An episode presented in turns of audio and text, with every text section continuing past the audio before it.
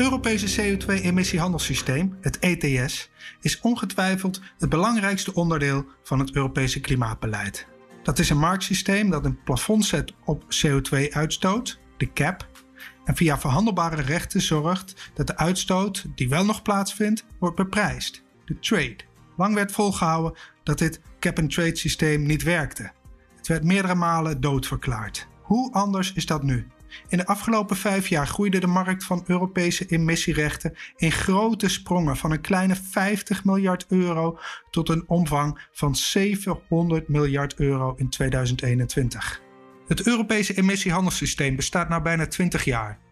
Hoe is het ETS de ruggengraat van het Europese klimaatbeleid geworden? Dat ga ik de komende maanden uitzoeken. Elke drie weken maak ik namens Energia de Carbon Podcast waarin ik hoofdrolspelers ondervraag en deskundigen raadpleeg en zo de werking van het ETS onderzoek. Mijn naam is Tijdo van der Zee en ik word in de podcast bijgestaan door vaste columnist Jos Kozijnse en marktkenner Chris Guth.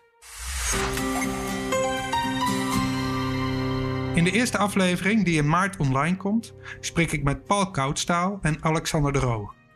Alexander was als GroenLinks-Europarlementariër als rapporteur betrokken bij de invoering van het ETS.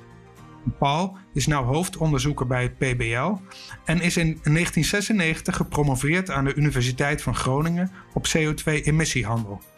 Met hen duik ik de geschiedenis in.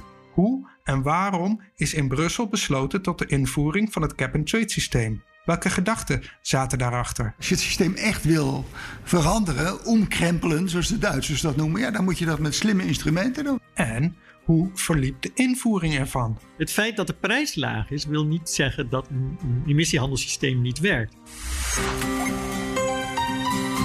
Heb ik u geprikkeld?